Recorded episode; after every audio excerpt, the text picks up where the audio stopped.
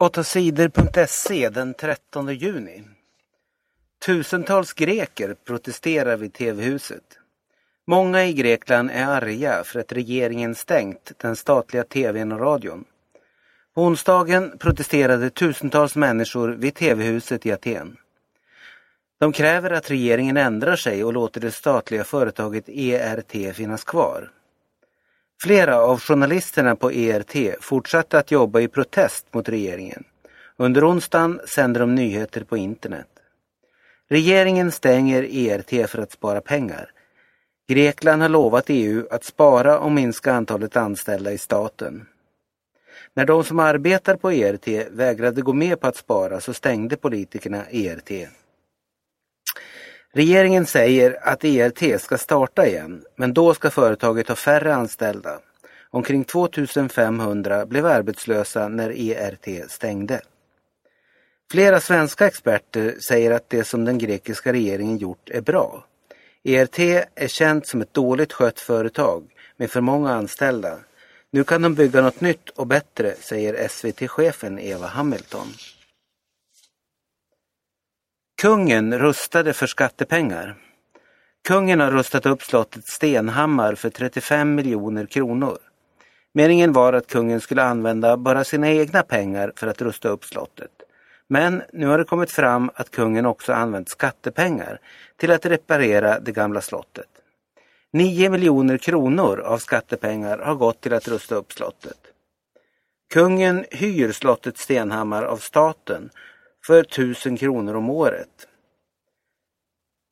Efter, han får hyra slottet billigt eftersom han lovat att rusta det för egna pengar.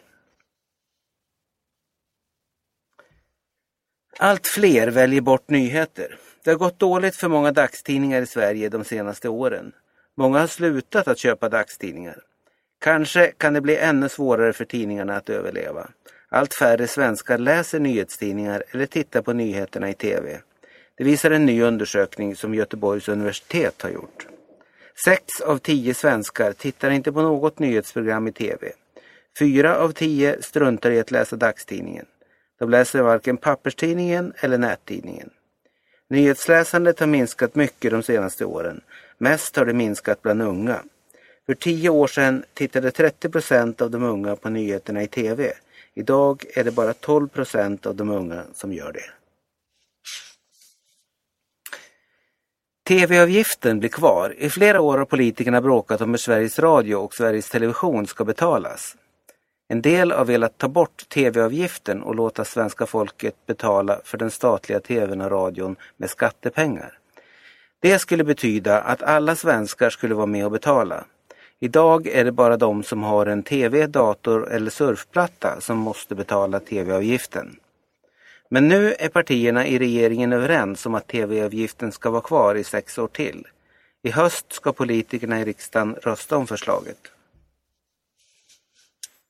Sverige är klart för handbolls-EM. Sveriges herrlag får spela i handbolls-EM i Danmark nästa år. Det blev klart efter Sveriges seger mot Ukraina i onsdagens kvalmatch. Det svenska laget väntade sig en hård och jämn match. Så blev det inte. Sverige vann hur lätt som helst. Matchen slutade 34-21.